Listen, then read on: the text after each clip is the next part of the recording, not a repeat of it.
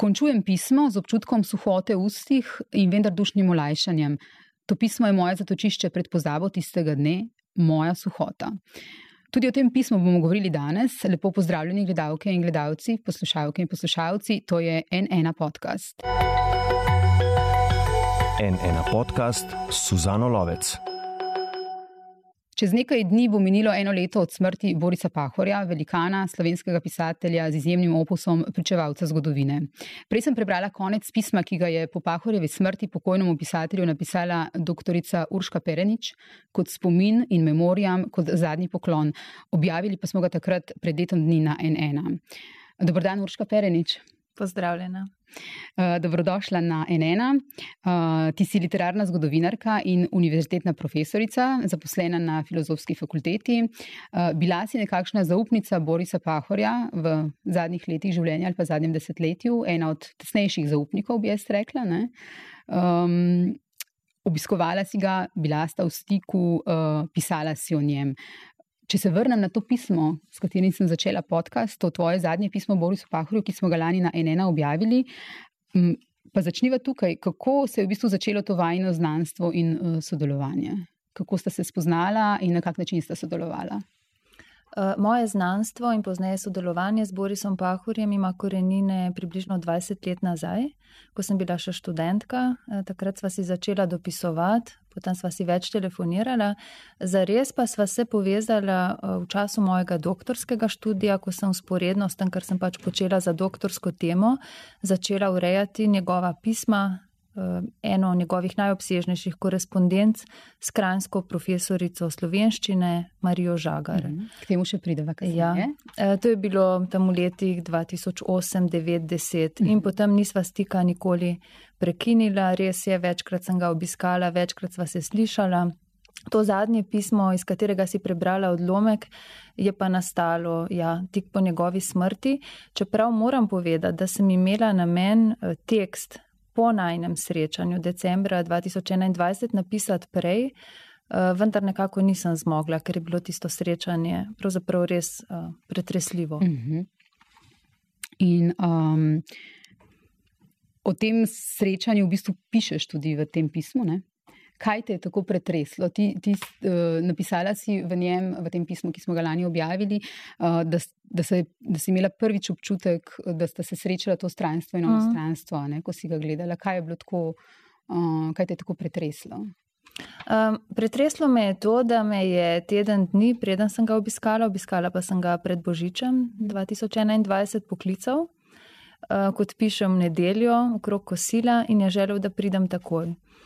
Um, kar mi je dalo slutiti na to, da ima mogoče kaj pomembnega povedati. E, nisem mogla takoj, takrat so bili, mislim, da še koronski ukrepi, oziroma um, če že ni bilo to, e, pa, pa nisem preprosto mogla ja zaradi službenih zadev in sem rekla, da pridem čim prej, tako da mhm. sem potem res čez nekaj dni odšla. Um, in Srečanje je bilo pretresljivo zato, ker je bilo prvič tako, da ga ni pripeljala njegova pomočnica Vera njegovo delovno sobo, um, sedel oziroma na pol ležal je v svoji posteli, ampak je vedel, um, torej vsega se je zavedal, vedel je, kdo sem in takrat me je še enkrat opomnil, da me bo tikal, pa sem mu rekla, da se je sva tako ali tako dogovorjena, da me tika. In um, takrat mi je povedal tudi nekaj stvari o ljudeh, o katerih prej ni toliko pravil. Uh. Hkrati je bilo pa to za me pretresljivo, ker sem videla, da res ne vidi, da me samo sliši in ker se mi je v resnici zdelo, da se poslavlja. Uh -huh. Jaz sem si sicer tega nisem upala izreči takrat. Um, govorila sem potem tudi še z njegovo pomočnico Vero, ki je tudi res sjajna ženska in jo zelo spoštujem. Um, in sem rekla, da se še vidimo, ampak se to ni zgodilo. Mm -hmm. Mi je pa potem njegov sin pravil, da me je omenjal še tako rekoč tik pred smrtjo, da mi je želel še nekaj sporočiti, ampak da ga žal ni razumel, kaj mm. želi povedati. V 109. letu je umrl Boris Pahor, ja. ne? Čestitljiva starost. Kakšen je bil Urška, kako se ga ti spominjaš, teh 20 let znanstva? Um, Jaz se ga spominjam kot izjemno um, pronicljivega sogovornika. Vsi vemo, da je bil sogovornik, ki ga ni bilo mogoče ustaviti. Uh, vemo tudi, da je njegov odgovor na vprašanje trajal približno pol ure. Spominjam se predstavitve sončne ure, kjer smo sedeli kar debeli dve uri in imel jasno glavno besedo. Zanimanjem smo ga poslušali, ampak na koncu smo mi omagali uh, pred njim. Uh, spominjam se, da kljub temu, da je bil toliko star, ni v resnici nikoli imel časa. Uh mhm. -huh. Tudi zadnjih deset let je veliko potoval, uh, veliko predaval, nastopal, tako da ga je bilo res težko dobiti, razen mogoče zadnje leto, dve. Um, spominjam se ga tudi kot nekoga, ki si je vse zelo dobro zapomnil, uh -huh. uh, zaradi česar ni bilo dobro zameriti se mu. In rad je omenil ljudi, ki jim je zameril, in je točno vedel, zakaj. zakaj. Um, bil je tudi kritičen, neupogljiv. Pri njem je posebej navduševalo to, kar je nekako tudi moj moto, da ne sodi nikamor, da ne želi pripadati nobeni v narekovajih crkvi. Čeprav, samo hodec, kot praviš, samo hodec, pred... samo nikleš. Ja. Um, čeprav se danes dogaja, da si ga lastijo in to je včasih zelo sporno, in na eni in na drugi strani, oziroma na vseh straneh ni želel pripadati nikomor, bil je samo svoj. Ja, bil je samo svoj. Tega, je... In kot sem zapisala tudi za revijo literatura, se mi zdi z tega vidika nespoštljivo, da se za neke določene potrebe, da nimo politične, teološke, njegove izjave potem mnogokrat ne citirajo v celoti, ampak da se povzame samo del izjave, ki nekomu trenutno koristi. In to se mi seveda zdi. Škoda. Mm -hmm. ja. mm -hmm. Da se ga zlorablja za dnevne politične potrebe. Um, česa pa se je on veliko spominjal, uh, česa najbolj, recimo v zadnjih letih. Uh, on, uh, ko se spominjaš tega zadnjega uh, uh, obiska pri njem, ne, ti praviš, da je govoril, treba bo pričevati. Uh -huh. um, česa vse se je spominjal? Uh, jaz mislim, da je praktično v vsakem pogovoru, ki smo ga imeli, ki sva ga imela, začenjal uh, s požigom narodnega doma. Uh -huh. um, to je njegova stalna tema in nekaj, kar se je njemu res užgalo v spomin in ga nikoli zapustila, v bistvu travma, ki jo je razreševal tudi skozi svojo literaturo in publicistične objave. Nikoli ni pozabil omeniti Kocbeka, uh -huh. uh, v katerem. Um, v čigar miselnosti je on videl nekaj, kar bi bilo treba oživiti tudi v času, ko Kocbeka ni bilo več. Govorim predvsem o Kocbekovem krščanskem etusu in socialni misli. In čeprav se Pahor ni nikoli prišteval krščanskim socialcem, ampak je dejal, da je po prepričanju socialdemokrat, je zelo zaupal to Kocbekovo linijo, to se pravi to krščansko socialno usmeritev, velike upe je tu polagal v slavista teologa, misleca Petra Kovačiča Pršina, se pravi kot nadaljevalca Kocbekove misli in si je zelo želel, da bi tudi po osamosvojitvi to miselnost, to misel obudili, oživili. Um, na zadnjem srečanju se je veliko spominjal žensk, seveda na prvem mestu žene. Nikoli dotlej mi ni povedal, kako sta se spoznala, pa vem, da o tem piše tudi v svoji autobiografiji, uh, moje suhote. Uh, in to njegovo spominjanje tisti dan in pripovedovanje je bilo tudi po svoje presunljivo, ko je pripovedoval, torej, kako jo vidi, kje sta se spoznala, kako je bila oblečena.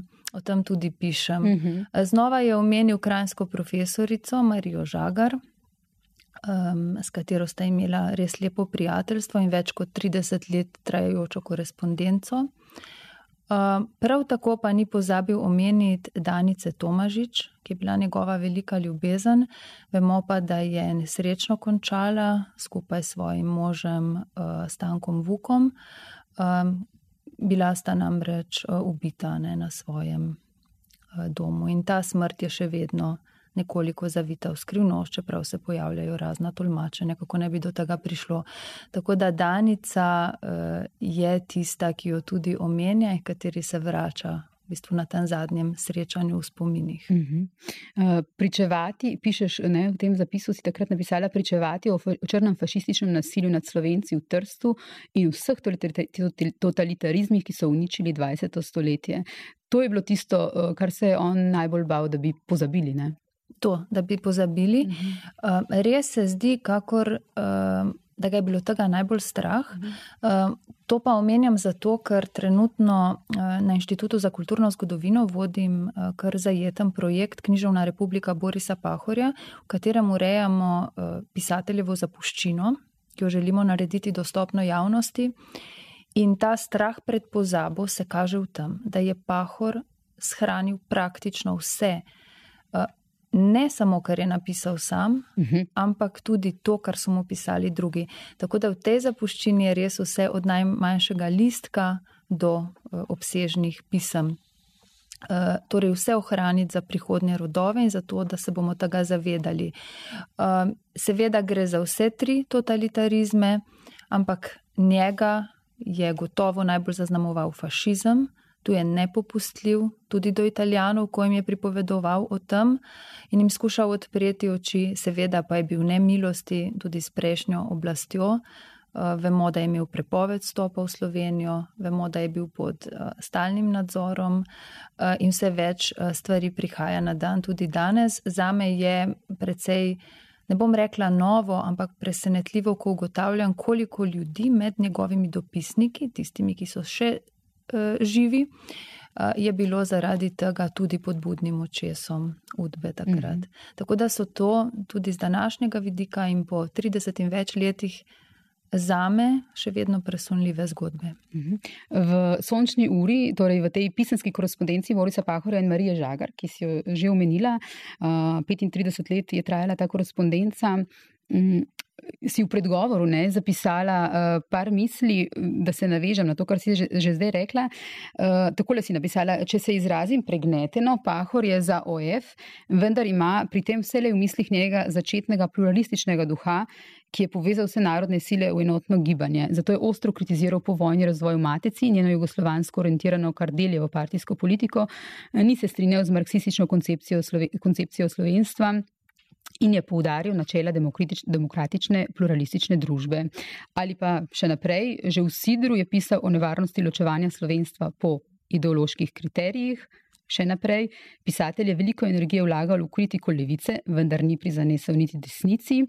In še, uh, povzameš, ni čudno, da je bil zato obsojen na samohodstvo, to, kar smo prej omenjali um, česar se je tudi dobro zavedal. In tukaj gre za njegov citat. No, zadnje čase zmeraj bolj razločno čutim, da pravzaprav ne spadam nikamor. Za levico sem disident in človek, ki dela z gago. Za katoličane sem pogan, uporaben takrat, ko se upre ekskluzivizmu levice.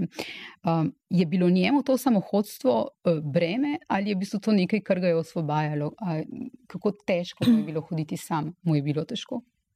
Jaz mislim, da ja. Uh mhm. -huh. Jaz mislim, da mu je bilo zelo težko. Ampak kot sem zapisala, kakor ga nisem nikoli videla, da bi um, potočil kako solzo, ko je pripovedoval o krutih rečeh. Um, tako nimam v spominu in mislim, da marsikdo drug ne, da bi zapadal v kako letargijo, da bi izgubil voljo, da bi bil. Um, se odpovedal uh, tem svojim stališčem. Mhm. Čeprav In se spet vračam k temu, kar zdaj odkrivamo, ko urejamo njegovo zapuščino, ki prinaša res veliko novega, uh, je to, da mu je bilo res, da mu je moralo biti res težko. Mhm. Ker uh, za pahorja so, to moramo vedeti, uh, vedeli, kdo je. In to ne šele od 90-ih, v bistvu že od 60-ih let, ko je začel izdajati revijo Zaliv. Neuradna Slovenija je vedela in vedeli, vedeli so intelektualci slovenci po svetu. Ampak on je bil seveda vse čas v opreki um, z oblastjo. Mhm. Konstantna kritičnost, uh, ja. vseživljenjska do, do, do vsega, uh, kar, je kritiko, kar je kritiko po njegovem mnenju potrebovalo. Um, v, v tej knjigi tudi pišeš na večkrat zastavljeno Marijino vprašanje v teh pismih, uh, čemu, naj, čemu naj sploh živi, je odgovarjal, da naj piše. Tako se bo lahko izpovedala o sebi, vsem, kar doživlja. Uh, O čemer bo njeno pisanje čisto osebno pričevanje in obenem dokument nekega prostora in časa. Torej pisanje tudi kot rešitev. Nas Ja, pisanje in- rešuje. Ja, in kot uh, pričevanje. Mhm. On je pisatelj, pričevalec, Mhm. pričevati za bodoče rodove in za to, kar smo prej rekli, da se ne pozabi. Mhm. Um, v tem smislu pa lahko rečemo, da je to tudi osvobajajoče, seveda. Mhm. Uh, 842 opomb si napisala na njuna pisma. Kako težko je bilo napisati eh, toliko opomb V v bistvu- za nazaj, za nekaj, kar sta dva človeka pisala v preteklosti. Uh, bom povedala po pravici. Jaz sem bila pri 28, še ne letih, zelo neobremenjena, ko sem to knjigo urejala. In se nisem zavedala, da je on lahko tudi oster kritik. Uh, ampak mislim, da mi je to, da sem bila neobremenjena, koristilo. Um, jaz sem to delo zagrizla in bilo je garaško delo, ker je bilo treba s pomočjo pisem preverjati podatke, dejstva v sočasni periodiki, časopisju in veliko sem Pahorja tudi spraševala. Težava pa je bila v tem, da se mnogo česa potem ni spomnil, oziroma ni točno vedel, kje bi to bilo, kaj je bilo včasih, pa me je koristno usmeril, kam naj grem gledati, ali pa je se mu je kaj porodilo v spominu. Um, ko je on dobil korekturno verzijo, oziroma še predkorekturno verzijo te knjige, pa moram reči, da se mi je kamen odvalil od srca, zato ker eh, mi je zapisal in to še vedno hranim, da je eh, knjiga sjajna, da nima pripomb in da mu je posebej všeč, ker sem vdahnila primorskega duha, čeprav je bilo to seveda nezavedno. Um, Ta najna korespondenca, ki je nastajala, ko sem urejala knjigo, je bila potem tudi uporabljena. Namreč, eh, ko je on pisal knjigo o radi, knjigo posvečeno svoji ženi, Mhm. eh, v njej mnogo krat omenja, Urška mi piše, pojasnil se mi to, tega se ne spomnim, usmeril sem jo na to. Tako da je ta knjiga o radi, v kateri odmeva tudi moje urejanje sončne ure, tudi svoj vrsten dokument eh, tistega časa. Mhm. In uh, se je potem tudi takoj odzval povabilu Slovenske matice, ki je to knjigo izdala, kar je bilo nekako logično, ker Pahor je vendarle matičen avtor.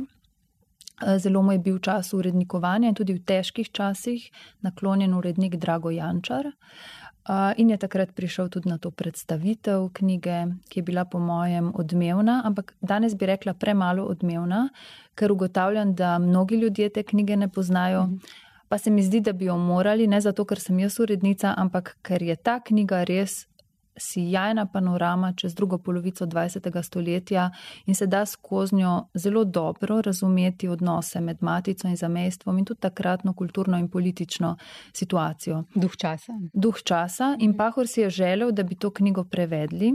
Njegova želja je bila seveda najprej v francoščino, ker je bil on izjemno upet v francoski jezikovni prostor, ampak seveda to delo še čaka. In čakam tudi, da se kje vzbudi interes za to. No. Uh, naslov, ne? sončna ura se pa nanaša na naslov peščena ura, Ja, podzvekova pisma. um, želela sem, da ostane ura, ker Mhm. uh, torej, um, Pahor je izdal um, Kocbekova pisma njemu pod naslovom Peščena ura. Uh, meni se je pa potem porodila zamisel za sončno uro, uh, predvsem sončna zaradi uh, svetlobe, ki jo vnaša v korespondenco njuno prijateljstvo, se pravi prijateljstvo Žagarjeve in Pahorja, uh, vsem težkim razmeram na vkljub, uh, kajti pa, Žagarjeva je vendarle tudi precej um, trpela in bila v težkih situacijah, ki jih popisuje v tej korespondenci. Ampak ja, vendarle pa se mi je zdelo to njuno prijateljstvo tisto, kar nekako uliva tem pismom neke svetle tone in sem potem prišla na idejo za sončno uro in to je bilo Pahorju všeč, Mhm. ker če mu ne bi bilo, uh, Bi rekel ne. bi se odločili za kak drug naslov. Mhm.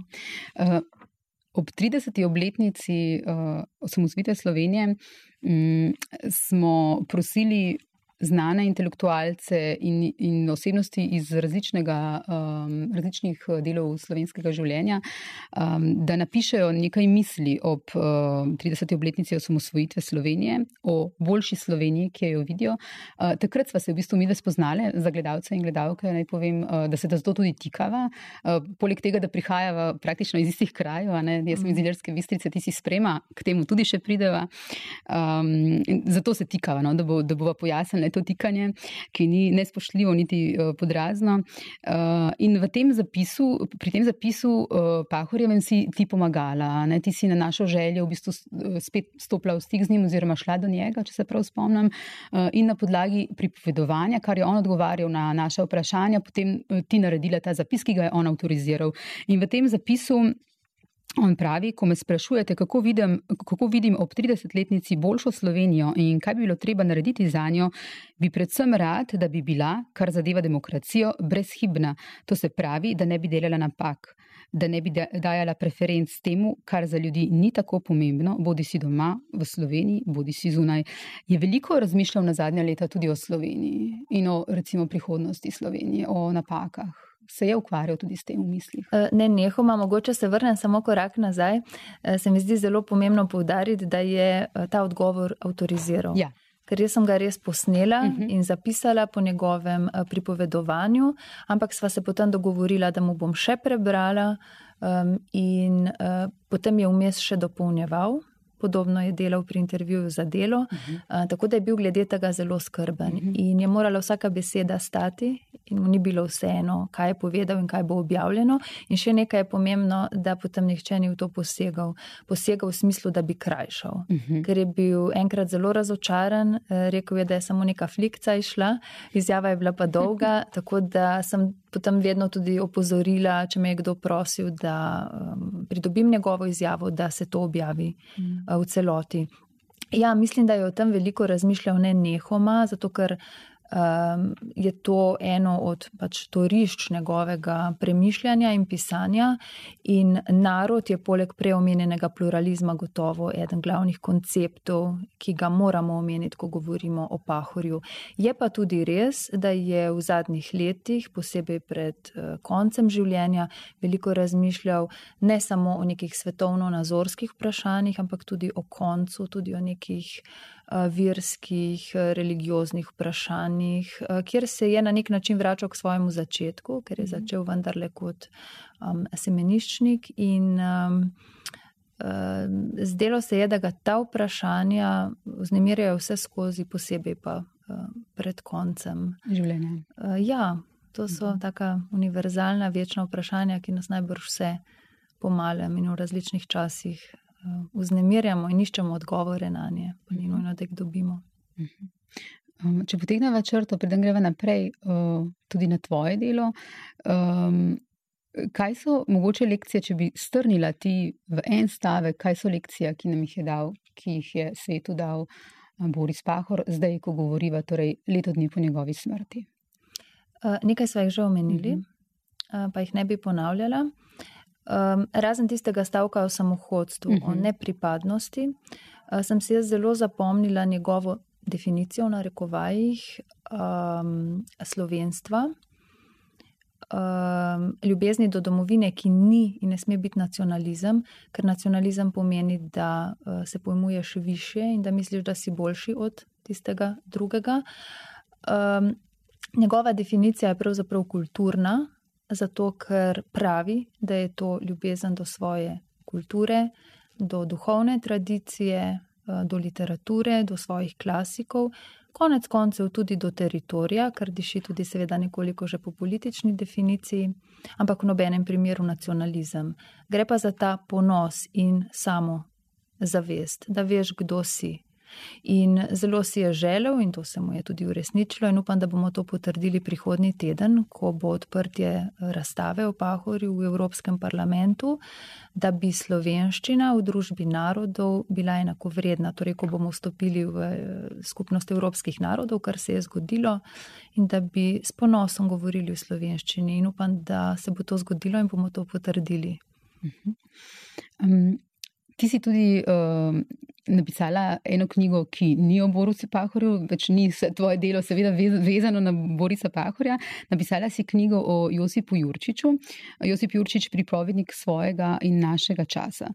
Um, zakaj je Jurčič tudi pripovednik našega časa?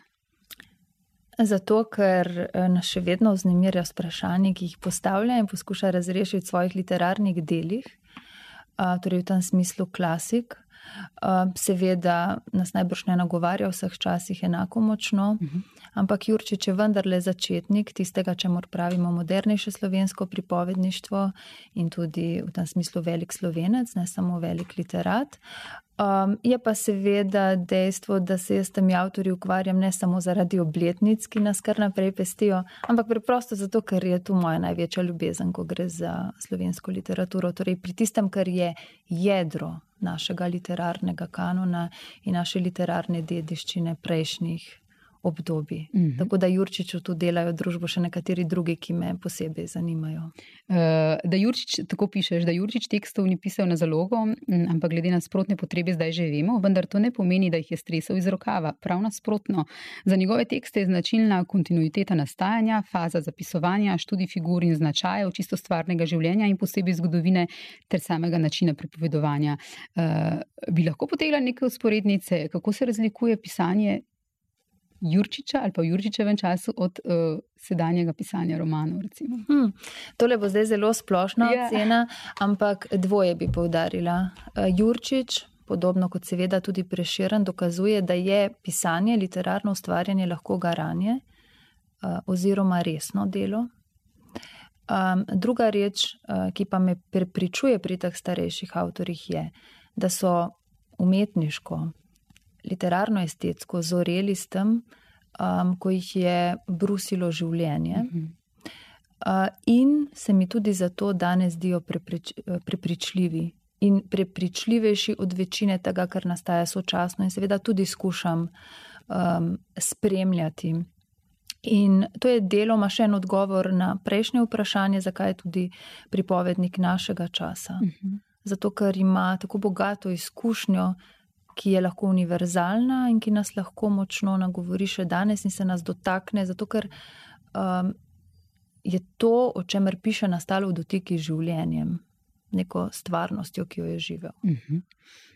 Sicer si se ti ukvarjala tudi z empirijo v literarni vedi, tudi uh -huh. o mhm. tem si napisala pred leti knjigo. Nam lahko en, um, lajčno, enostavno ja. pojasniš, kaj je to empirija v literarni vedi? Ja, e, torej začetki moje akademske poti so bili pravzaprav precej teoretski, medtem ko sem se zdaj, če naredim nek lok čez svojo pot, obrnila res k neki bolj tradicionalni literarni zgodovini, lahko bi rekla k žlahtni tradiciji. Um, in me zadnja leta posebej navdihujejo starejši literarni zgodovinari, med njimi ima gotovo prvo mesto tudi utemeljitelj akademske slovenistike in literarne vede Ivan Prijatelj, sicer po rodu uh, iz Notranske. Um, no, ampak, če se vrnem k empirični literarni vedi, um, torej empirična literarna veda ima v resnici svoje začetke na nemškem um, v 70. oziroma 80. letih 20. stoletja in je nastala kot nekakšen odziv na krizo v šolstvu na nemškem. Uh, mislim, da je ta kriza permanentna, ker se moramo tudi mi danes spraševati, kako navdušiti ljudi učence, dijake, bralce, da bi brali. Hkrati pa se je skušal tedaj, skušal tedaj rešiti obrobni položaj, ki ga je imela literarna veda. In danes v bistvu ni nič boljše, ampak povedati skušam, da je empirična literarna veda skušala um, se poznanstveniti, če mhm. tako rečem, in uporabljati potem empirične družboslovne metode, s katerimi bi prišla do rezultatov, ki so preverljivi, ki so intersubjektivno preverljivi. Uh, vemo, ne, da uh, pri humanistiki mnogokrat uh, ni tako, čeprav je to eden od temeljnih znanstvenih kriterijev. Um, Kot drugo, pa bi lajku pojasnila, da empirično literarno vedo, razen tega, da seveda uporablja empirične metode, tako kvalitativne kot kvantitativne, um, zanima literatura in jo tako tudi pojmuje kot nek sociološki fenomen, torej kot družbeni uh, pojav. Tako nas, če sem spet zelo kratka, ne zanimajo samo literarna besedila, uh, ampak nas zanimajo vsi tisti, ki se z literaturo ukvarjajo in se tako začne ukvarjati v nekem, uh, se pravi, sociološkem kontekstu. S tistimi, ki literaturo pišejo, s tistimi, ki jo posredujejo, s tistimi, ki jo berejo, in na vse zadnje s tistimi, ki se z njo ukvarjajo na nek bodi si kritiški, bodi si znanstveni način. Se pravi, gre za nek, če se spet izrazim lajično, kontekstualni pristop k literaturi. Mhm. Kot sem že omenila, ti prihajaš, izviraš sprema mhm. pri Ljerski bistrici, tam, kjer je bil rojen slovenski pesnik Dragotin Kete. Koliko te je ta Keteva prisotnost zaznamovala pri tvojem delu? Um, jaz mislim, da me je. Um, z delom, pa tudi s figuro. Vedno seveda gojiš neko predstavo in se sprašuješ, kdo je to bil. In Kete je pri tistih, ki smo sprejema porodu in potem še pri tistih, ki smo obiskovali Kete v osnovno šolo, nekako stalno navzoč. Um, predvsem sem vsako leto, praktično vso osnovno šolo, um, sodelovala na prireditvah, posvečenih Keti v spominskih prireditvah, zlasti, ker smo brali in recitirali skete. In to je nekaj, kar človeka um, spremlja. Seveda sem potem začela kete, zlasti v času študija, spoznavati drugače. Um, ampak to je nekaj, kar človeku preprosto zleze pod kožo uh -huh. in gotovo tudi vzbudi zanimanje za literaturo širše. Um, čeprav je bil moj interes, ko sem bila v osnovni šoli, sprva bolj jezikosloven. Um, seveda sem eh, zelo rada vedno brala, ampak nekako sem si predstavljala, da bom nekoč um, profesorica uh, nemščine in slovenščine. Mhm. in so me zelo vznemirjala jezikoslovna oziroma slovnična vprašanja, pa se je potem to tekom srednje šole in potem zlasti na fakulteti um, nekoliko eh, spremenilo. Zadnja knjiga, ki si jo napisala, je pa uh, o Luizi Pisjak, ne? pesnici, pisateljici in prevajalki. Živela je 1828 do 1898 in sodi med prve slovenske literarne ustvarjalke. Kaj je emancipatornega uh, na njenem pisanju ali pa na njenem delu?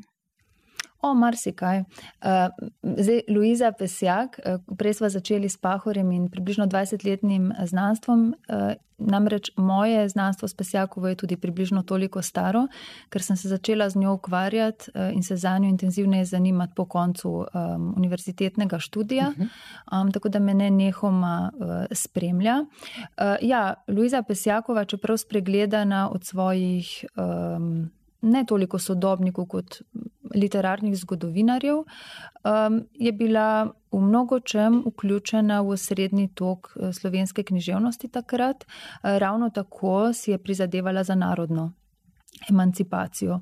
Uh, v tem smislu uh, predstavlja neko sopotnico. In sodobnico Josipu Jurčiču, ki smo ga omenjali prej, in seveda vsem tistim, um, ki so sledili. Um, je bila pa ženska, in zato toliko zanimivejša, ker je bila ena redkih žensk, ki so ustvarjale v slovenščini, ob čemer je fascinantno dejstvo, da se je slovenščina začela učiti šele stara.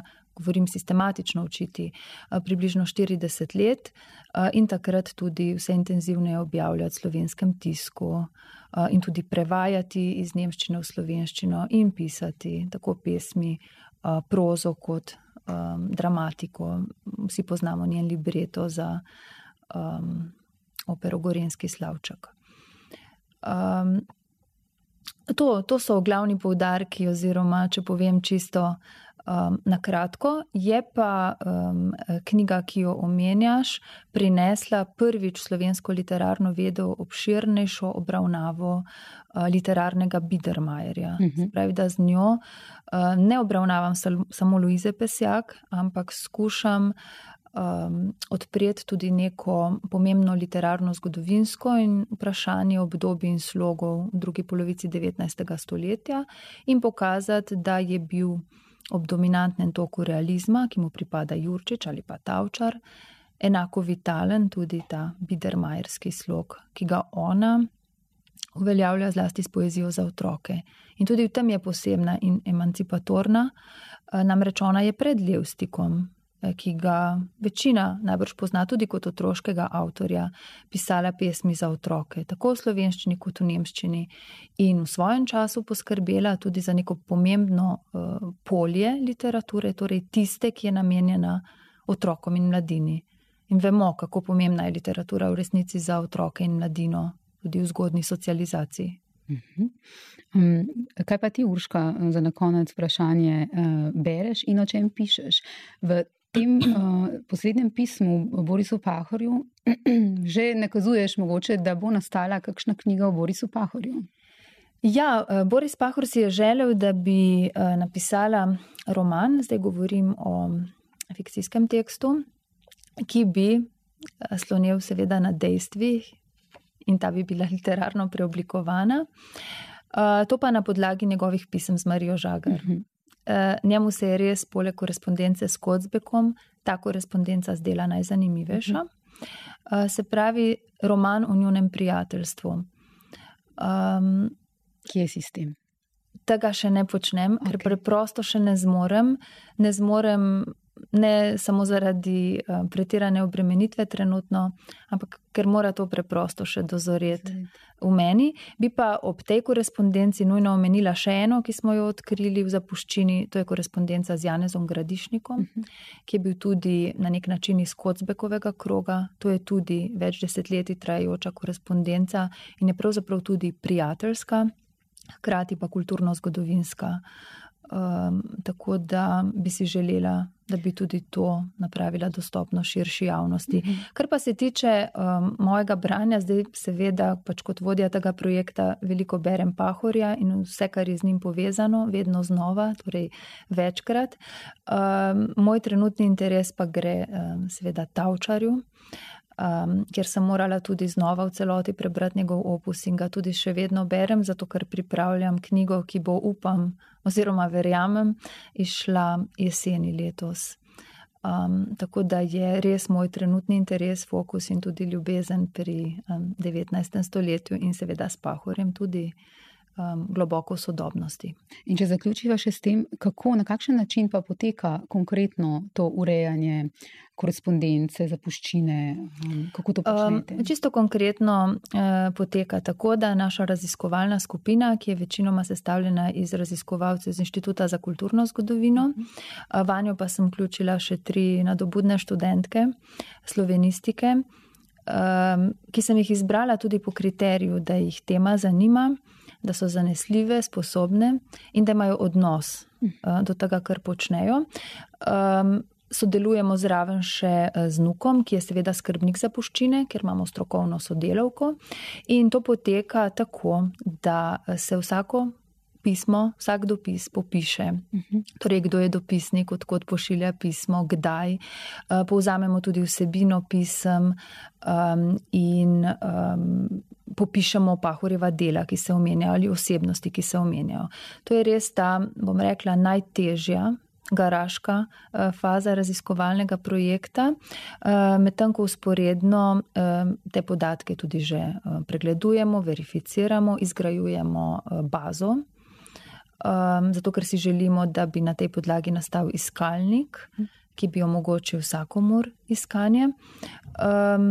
Za nuk pa to pomeni, da se torej zapuščina ureja po nekih arhivskih kriterijih um, in uh, da se pravi, se iz te brezoblične gmote, um, kaj ti pisma in tipkopisi del so pač posejani po škatlah in tega je res več metrov. Um, samo za vtis, um, mi smo zdaj uredili približno 15 do 20, zdaj zelo težko rečem natančno tekočih metrov, kar je res ogromno delo za približno 7 mesecev dela, kolikor uh, časa traja projekt. Um, in da je to v bistvu tudi izpolnjevanje obljube Pahorju, ki je za ta projekt vedel.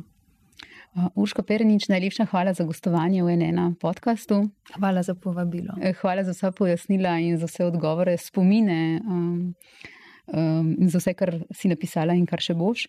Uh, hvala tudi gledalcem in gledalkam, poslušalcem in poslušalkam. Mi se zelo, zelo kmalo, že naslednji teden, uh, spet vidimo in slišimo.